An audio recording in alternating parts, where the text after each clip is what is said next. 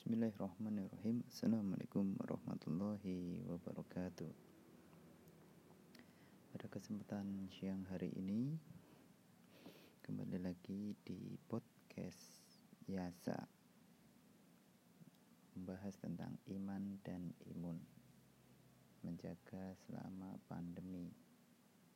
Banyak di new normal ini ya Yang terkena penyakit bahaya atau COVID-19 hmm, jangan sampai masyarakat itu kehilangan iman dan imun.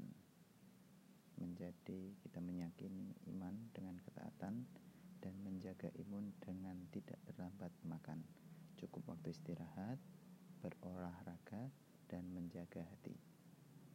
Jangan sampai kita kehilangan iman dan imun.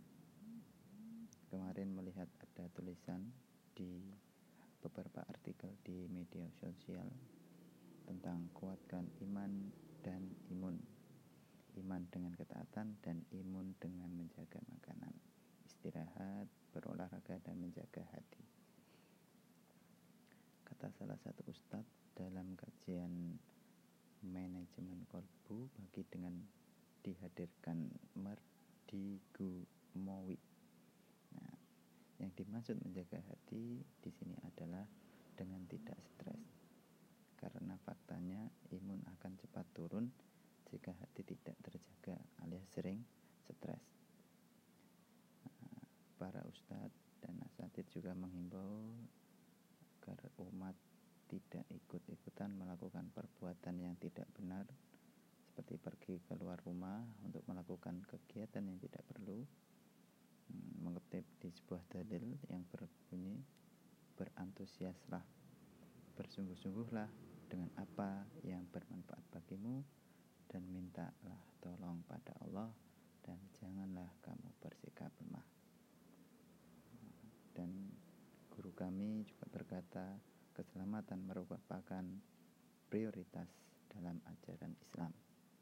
Terlepas manusia ditakdirkan sakit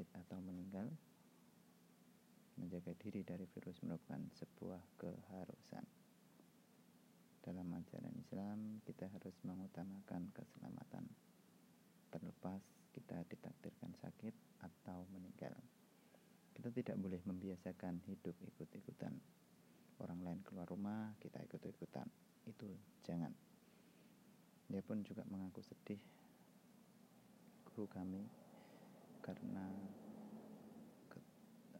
sedih ketika mendengar imbauan tidak mengunjungi orang sakit dan takziah ketika ada umat muslim yang meninggal dunia. Itu adalah uh, sesuatu hal yang hmm, mungkin sedih ya. Ujian akan lebih berat ketika terkena COVID-19 mungkin cukup ini saja yang bisa kita sampaikan Syukron wassalamualaikum warahmatullahi wabarakatuh. Tetap pakai masker, jaga jarak, cuci tangan, dan jaga wudhu. Kuatkan imun dan iman kita. Wassalamualaikum warahmatullahi wabarakatuh.